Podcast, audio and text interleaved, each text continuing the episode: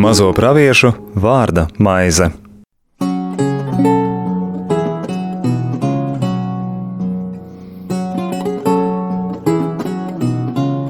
Slavēts Jēzus Kristus. Mūžīgi mūžos slavēts.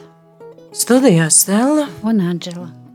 kā atkal turpināsim lasīt pravieša amasa grāmatu, un šodien jau pārējām it kā pāri pusei, jo lasīsim piekto nodaļu.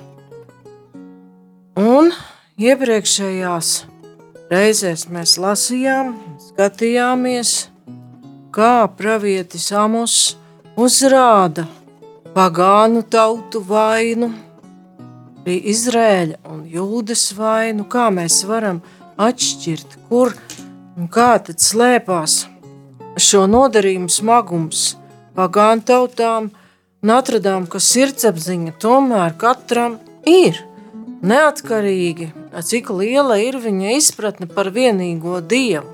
Jo nu, diez vai kaut kur būs atrodams cilvēks, ja nu vien viņš nav galīgi garā vājš, kurš domās, ka teiksim, zakt un slepkot ir labi. Tātad Dievs ir ļoti dziļi katrā ielicis sirdsapziņu, tā ir viņa balss, un Amos līdz ar to runā par pagānu tautu atbildību par nodarījumiem, kas nav saskaņā ar Dieva gribu.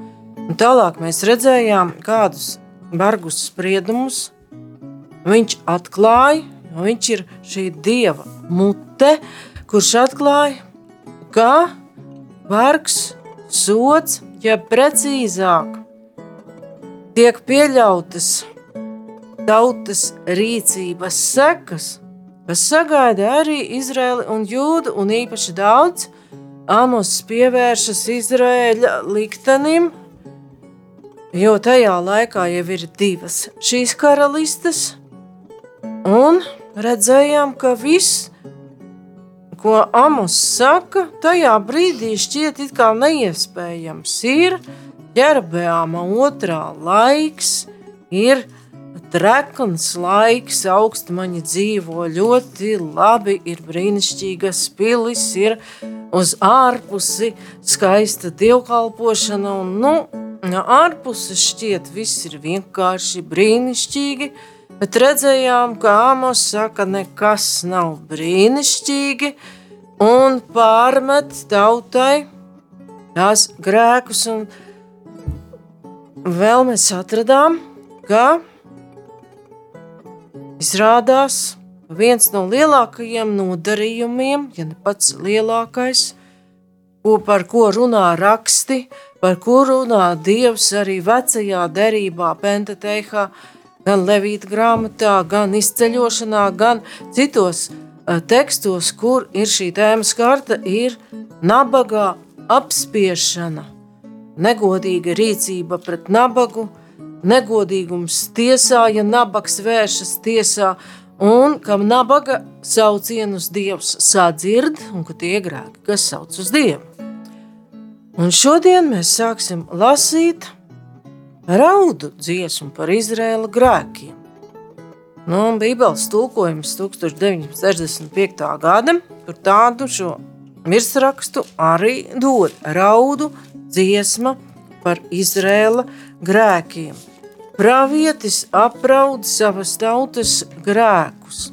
Sakot, pravietis nav tas, kas vienkārši nolasa spriedumu kā tiesnesis, iziet ārā, aiztaisa durvis un aizmirst par savu tautu. Viņš apraud šīs tautas grēkus un tās sekas, kas ir gaidāmas pēc tiem nodarījumiem, par kuriem Amos atgādina un par kuriem runājām iepriekšējos raidījumos. Un tieši tā Amos arī iesāk šo piekto nodaļu, un šī viņa raudu dziesma turpinās arī sestajā nodaļā, un no septītās jau atkal ir redzējums. Tā veselas divas nodaļas, pat diezgan garas, ir teksts, kurā Amos apraud savas tautas grēkus. Viņš, kā pravietis, līdzpārdzīvo un zināmā mērā dara jau to, ko vēlāk Kristus izdarīs pilnībā. Viņš kā Dieva cilvēks, kā cilvēks, kas saskata Dievu gribu un to zina, kurš uzklausa Dieva vārdu, nes šos grēkus līdz ar savu tautu. Un mēs nu jau no pirmā panta lasām. Uzklausiet, Izraēla nama ļaudis šos vārdus, jo man tie jums jāceļ priekšā kā raudu dziesma par jums. Raudu dziesma bija tā laika senajā pasaulē pazīstama kā īpašs poēzijas veids, un parasti apraudāja vai nu mirušo radinieku, draugu vai vadoni, valdnieku. Nu, bet kāpēc mēs pie Āmosa redzam, un to arī citos tekstos mēs varam redzēt, ka pravieši, tieši pravieši bieži apraudāja pat veselas pilsētas, daudzu cilvēku vai tautas bojā eju. Kā piemēram, mēs pazīstam Jeremijas raudu dziesmas, kur ir pamesta pilsēta. Viņš apraud šo pamesto pilsētu. Raudu dziesmas bija ne jau tikai Izrēlī, tās pazina arī, piemēram, senie eģiptieši, un bija pat vesela tāda ļaužu grupa profesija, var teikt, apraudātāji, apraudātājas Eģiptē. Pazina sievietes, apraudātājas, kas gāja aiz mirušā un apraudāja viņu, skandējot šādas raudu dziesmas, tika vai slavināti aizgājušā tikumi un apcerēta viņu dzīve jau rietzemē, jau mūžībā, jo arī senie eģiptieši ticēja mūžīgajai dzīvei, ka dzīve pēc cilvēka fiziskā, ķermeņa fiziskās nāves turpinās, atcerēsimies, ka arī Mūzus izgāja no Eģiptes, tātad viņš zināja šo tradīciju, un caur to mēs redzam, cik ļoti dziļi jau cilvēcē bija iesakņojusies šī ticība, ka pēc nāves, kad ķermenis nomirst, jābūt vēl kaut kam. Bet parasti vairāk tās bija raudu dziesmas par kādiem cilvēkiem. Arī Jeremijas grāmatā mēs arī varam izlasīt no 30. nodaļas 12. 13. pants, jo tā saka kungs, nedziedināmas tavs posts, sirgs tava brūce, nav kas aprūpē tavu čūlu, kas sadziedē tavu kreveli, nav tev. Kā kungs Dievs nesaudzē vairāk savu tautu, kura ir aizmirsusi viņu.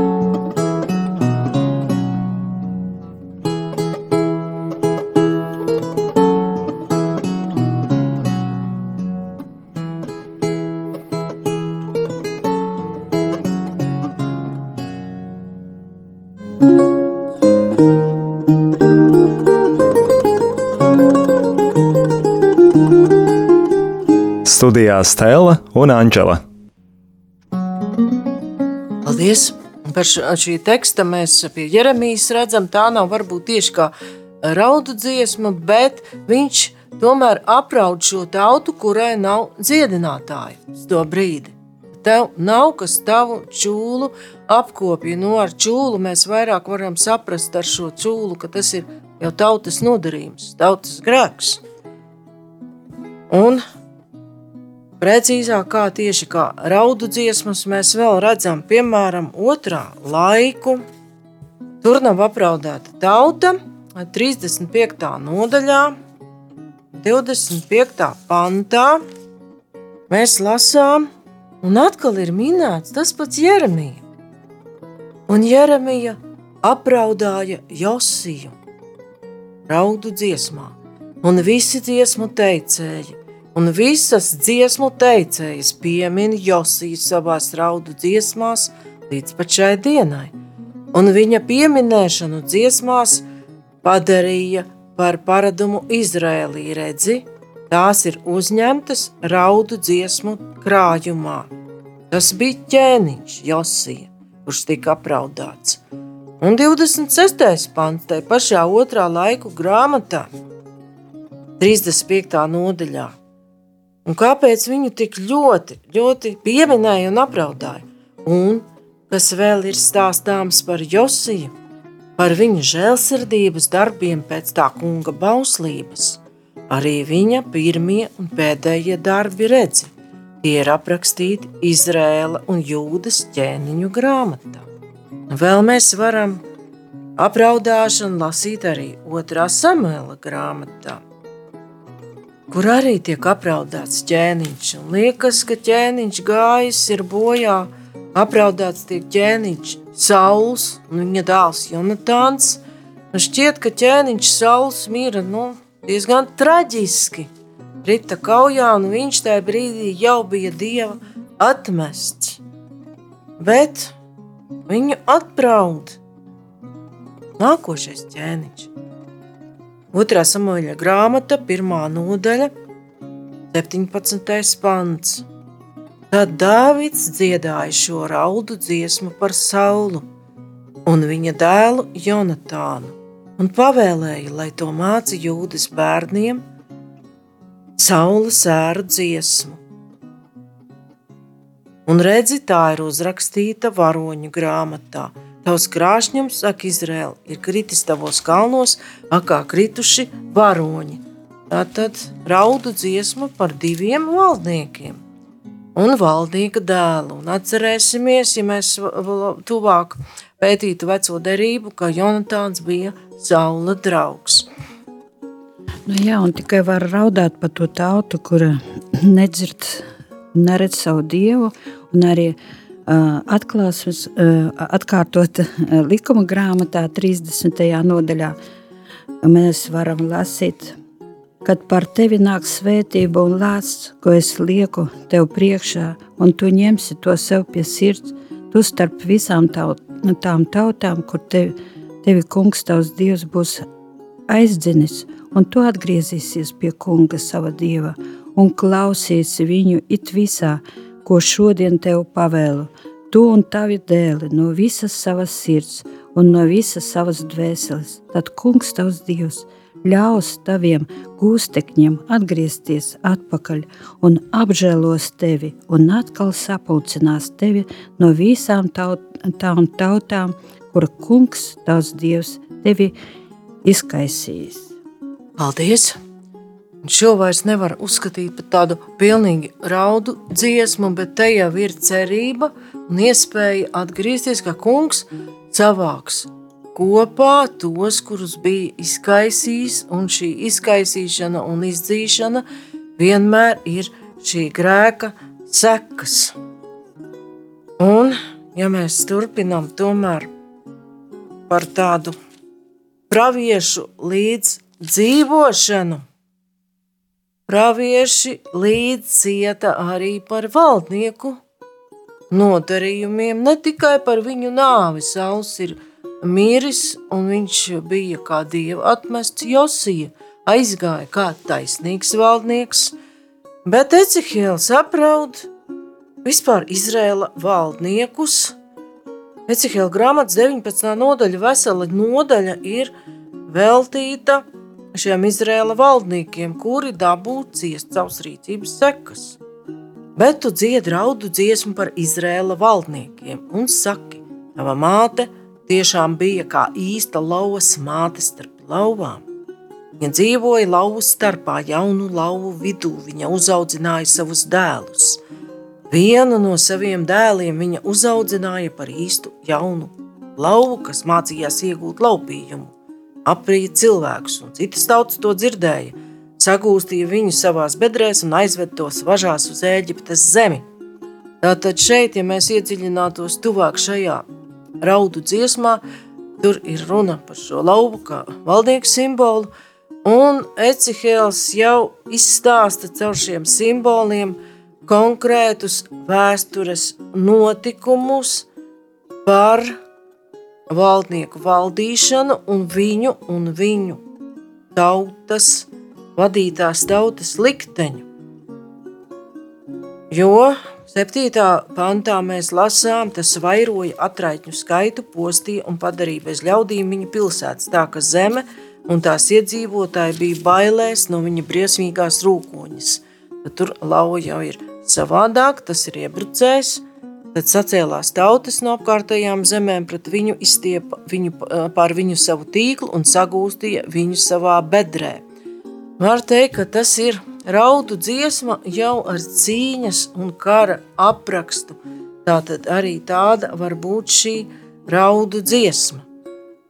Ecihēla 26. nodaļā 17, 18 ir raudu dziesma par pilsētu. Un tas ir raudu dziesma Ne jau par Jeruzalemi vai kādu no Jūdas vai Izraēļa citām pilsētām.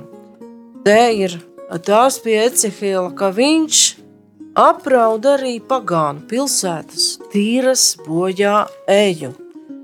Un mēs lasām šādus raudu dziesmas vārdus.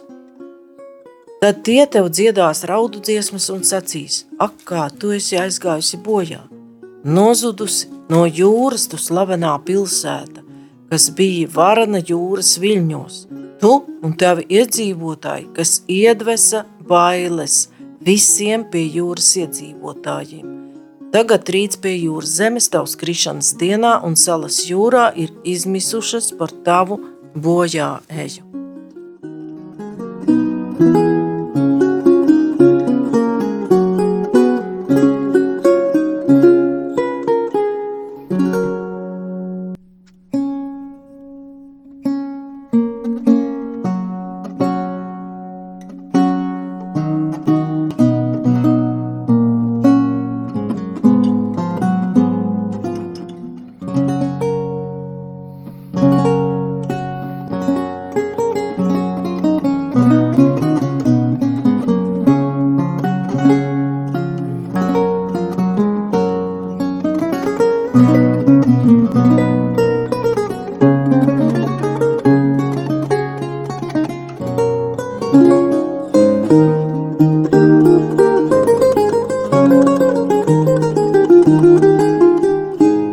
Studijā Stela un Anģela.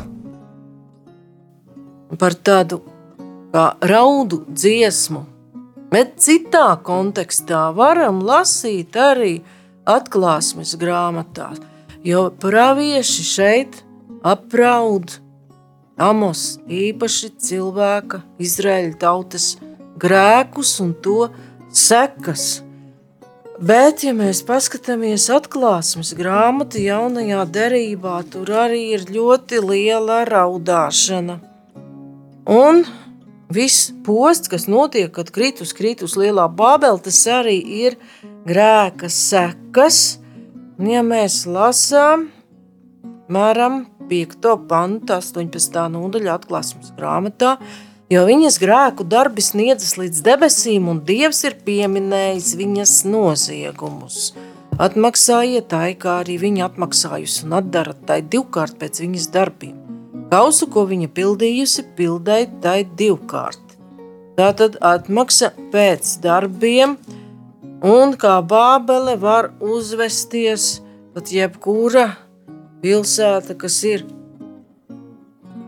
Tur, kur mīt izradzētā tauta, kā Bābele var uzvesties arī jebkura pilsēta mūsdienu pasaulē, kur reiz ir bijusi kristīga un slavena ar kristīgām tradīcijām. Un par ko tad tur raud tie cilvēki? Vai par ķēniņu, vai par tautas grēkiem, par pilsētas bojāēju? Nekā, tur tā raudāšana ir citāda veida. Iespējams, ka pat labam pasaulē arī jau sākas raudāšana, tieši tāda veida raudāšana. Raudās un vaimanās par viņu pasaules valdnieki, kas ar viņu dzīvojuši netiklībā un kārumās. Tad tie redzēs viņas liesmu dūmus, attālus stāvēdamais bailēm no viņas mokām tie sauks vai vai, lielā pilsēta, varanā pilsēta, bābele vienā stundā, sodība ir nākusi par tevi. Kāds tad ir tas raudāšanas iemesls un kas tur raud, raudu dziesmu? Atklāsmes grāmatā raudu dziesmu 18, 11 raudu.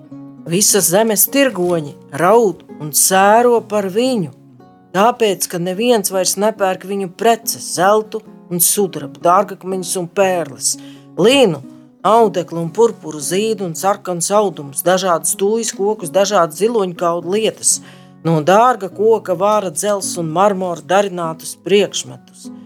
Un tālāk jau nelasīšu, jo tur ir uzskaitīta vesela rinda tā laika luksusa preču, no, ar kuru tirdzniecību tirgotāji kļu, kļuvuši bagāti. Viņi raud par sava šī naudas dieva mamona ciesta, ciesto sakāvi.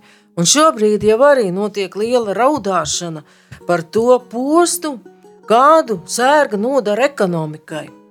Ir klusums, Pārsvarā liels klusums, kāpēc Dievs ir pieļāvis šo sērgu un ko viņš no mums visiem sagaida. Bet arī visā raudu dziesmā, sestajā pantā mūsu raudu dziesmā mēs varam lasīt, meklējiet kungu, un jūs paliksiet dzīvi, kā Jāzepa nams neuzlies mūguni, kas aprīs bēteli, kā nevienam nenodzēst. Un uh, Zaharija grāmatā, 6. un 10. nodaļā mēs lasām, es došu varoņu spēku jūdas namam, es glābšu Jāzepa namu, es tos atvedīšu atpakaļ, jo es viņus žēloju. Būs tā, it kā es tos nekad nebūtu atstūmis, jo es esmu kungs, viņu dievs, es viņiem atbildēšu. Paldies! Šeit Anģela pievēršas jau sestajam pantam Amosa grāmatā. Meklējiet to kungu, tad jūs dzīvosiet. Un, kad esam tuvāk iepazinušies ar dažādām raudu dziesmām, kuras ir gan par tautas grēkiem, gan par zaudētu bagātību, nedaudz vēl pie Amosa teksta. Jo viņš savā raudu dziesmā raksta, Izraēla jaunava ir kritusi, lai nekad vairs neceltos, viņa nogrūsta pie zemes un nav neviena, kas tai palīdzētu tikt uz kājām. Tas ir tā kā Jeremija rakstīja, ja kad nav tautai, nu, nav kas pārsien brūce, kas to dziedina. Un ja, austrumu poēzijā ar šo jaunavas tēlu apzīmēja pilsētu vai tautu, par ko neviens iepriekš nebija valdījis kuru neviens nebija iekarojis. Un bērnu dziesmās kritis nozīmēja nāvi karā no zobena. Un vēl papildus tas ir runa par tādu, kas ir kritis spēku plaukumā. Tātad tur jau varam redzēt šo saikni ar to, ka Amos jau saskatīja gaidāmo asīriešu iebrukumu. Un piektais, trešais, tā saka, Dievs tas kungs, pilsēta, kas izgāja cīņā ar tūkstoti karavīru, saglabās no viņiem tikai simtu. Tai, kura iziet ar simts karavīriem, paliks pāri Izrēla namā tikai desmit. Ar to ir pateikts, ka gaidāms šai tautai, kas patreiz dzīvo ļoti labi un lepni, milzīgi militāri zaudējumi. Tas ir 90% karaspēka, nu, reāli, un tie ir tomēr nu, karaspēkā karo jauni, spēcīgi vīrieši, kuri var kļūt vīri, tēvi. Nu, tā ir cilvēku acīm skatoties, tā ir iznīcība. Arī, Bet, jā. arī jā, Pāvila vēstos romiešiem – par, par dieva dusmām un žēlastību var lasīt. Tās ir 9. nodaļa. Pat ja Izraēļa dēlu skaits būs kā jūras smiltis, tikai pārpalikums izglābsies. Studijā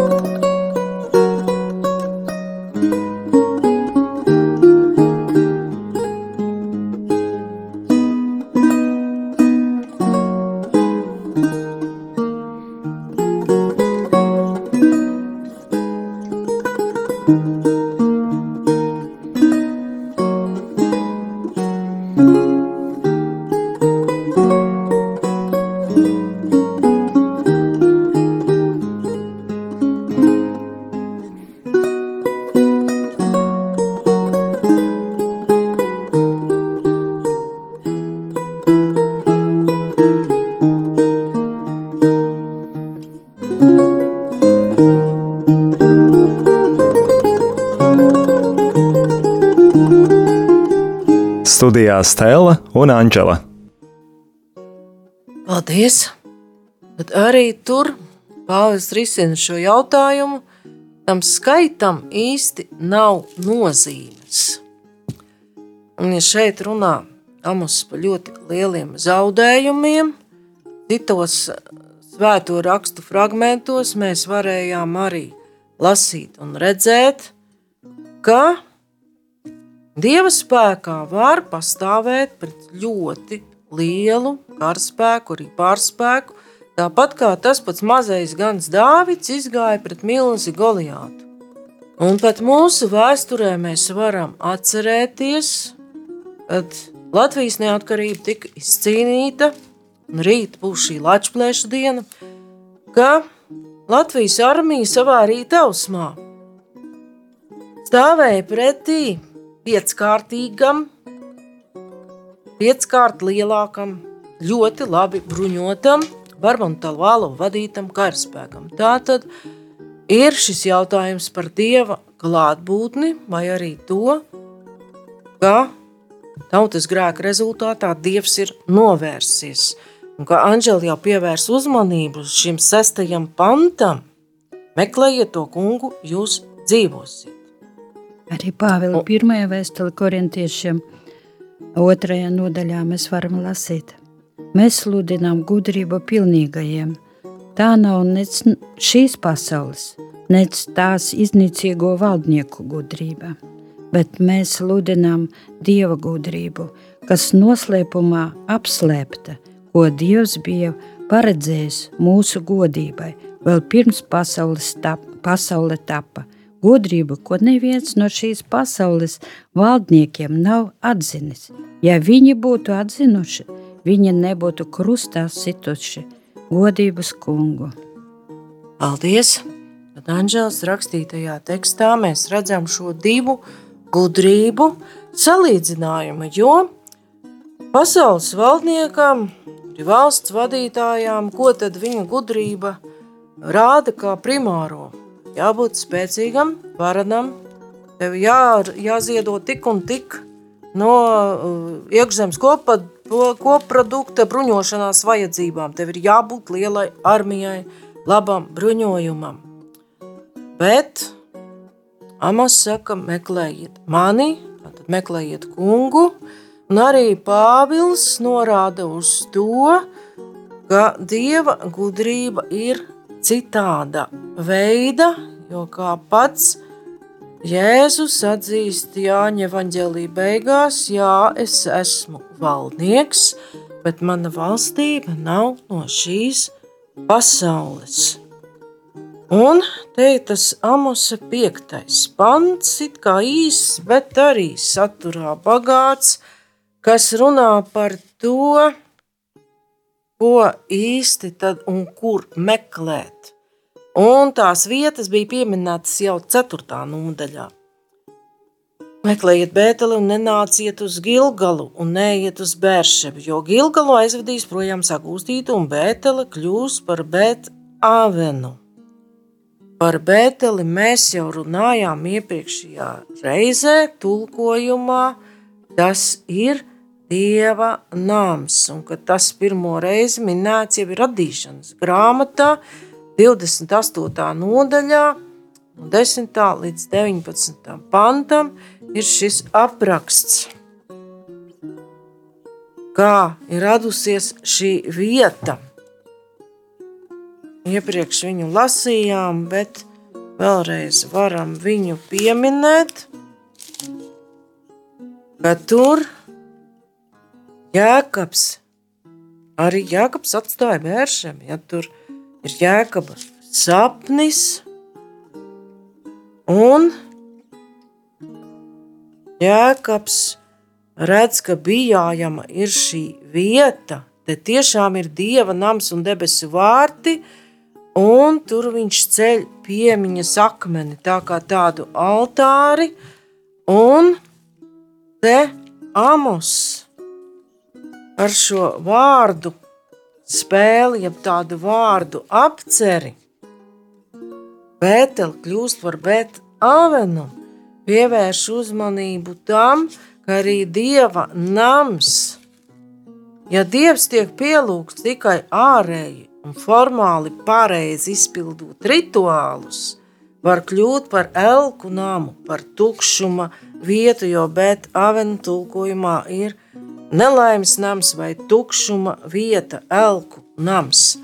Tātad tas ir kā daži vārdi, īsts teksts, bet arī mūsdienu situācijā tas liek pārdomāt daudzas lietas par atrašanos dieva namā, par dieva lūgšanu. Īpaši tagad, kad pat katoļu vidē notiek šie strīdi, ka tridentes mise ir vienīgā un pareizā, ka šis ārējā rituāla skaistums, un tur tiešām ir daudz skaistuma, ka šī ārējā forma kļūst nozīmīgāka par dieva pielūgšanu arī liturģijā, garā un patiesībā. Jā, un mums katram vajag pievērsties arī savai sirdei, kā 7. pantā. Āmusa grāmatā mēs lasām, jūs, kas tiesu par vērmeliem pārvēršat un taisnību putekļos ieminat. Un šeit arī Iecehēla grāmatā, tas ir 33. nodaļa cilvēka dēls – Saki saviem ļaudīm, taisno neglābs viņa taisnība, ja viņš sāks grēkot, un ļaundari nenogāzīs viņa ļaunums, ja tas atgriezīsies no saviem grēkiem, un ja taisnais sāks grēkot, viņš nepaliks dzīvs. Paldies! Un ja taisnais novērsīsies no taisnības un darīs netaisnību, viņš mirs. Paldies! Un šis teksts ietver Ecehiela ļoti lielu brīdinājumu, ka arī taisnais, pat dzīvojot pēc kunga likuma, var tikt kārdināts novērsties no taisnības un dažkārt pat eh, netaisnības darīšana. Nu, pēc cilvēka domas var likties, nu neviens neuzzinās, neviens neredzēs, var šķist pat izdevīga. Jo 7. pāns jūs, kas tiesu pārvēršat vērmelēs un taisnību saminat putekļos, tas nozīmē tādu dieva likuma samainīšanu, pat patvaļīgu interpretāciju un no Amosa tālāko teksta, tālākā teksta, ko mēs lasīsim jau nākamajā reizē, mēs varēsim saprast, ka viņš pārmet tai Jerobeām otrā vadītājai, treknējai šķirai, netaisnīgu tiesas spriešanu un vēršanos pret nabago, ja nabaks tiek apkrāpts tiesā, kur viņš meklē taisnību, tad tas ir, tās jau ir vērmeles, tā vairs nav taisnā tiesa. Un 8. pantā mēs redzam, ka Amos ļoti īsi iziet cauri tam eh, radīšanas brīnumam, par ko mēs lasām radīšanas grāmatā. Viņš īsi pieskaras šai dieva godībai. Viņš, kas radīja sietiņu un orionu, viņš ir tas, kas pēc tumsas liek uzaust gaišam rītam, un pēc dienas gaismas liek sabiezēt tumšai naktī, kas paceļ ūdeni no jūras un izlai to pār zemes virsmu. Viņa vārds ir tas kungs. Un šis īsais apraksts norāda uz kungu, ir kā vēstures kungu, kurš tas, kas spriedīs tiesu, jo piektā nodaļā tālāk būs arī teksts par tā kunga dienu. Arī Mateja evanģēlijā maz var izlasīt jā, 4. nodaļā, 16. pantā. Tauta, kas sēdēja tumsā, ieraudzījusi lielu gaismu, un tiem, kas sēdēja nāves sēnes zemē, gaisma uzaususi. Paldies! Šajā tekstā jau ir runa par iemiesotā vārdu nākšanu pasaulē, un var to saprast arī tā, kā to ir redzējis arī Amos. Viņš ir tas, kas pēc tumsas liek uzaust gaišam rītam. Viņa vārds ir tas kungs. Un jaunajā derībā jau to, kā dzīvot pasaulē, cilvēku vidū un kā piepildīt likumu, jau parādīja Jēzus Kristus iemiesotais vārds. Bet par to, kādi bija tie grēki, par ko Amos pārmet un kurus apraud, vairāk runāsim jau nākamajā reizē. Un Tad jau varēsim pievērsties arī piektās nodaļas noslēguma tekstam par kunga dienu un kāpēc tā ir tumsas diena.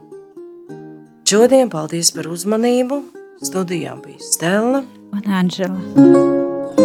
Izskanēja raidījums Mazo praviešu vārda maize.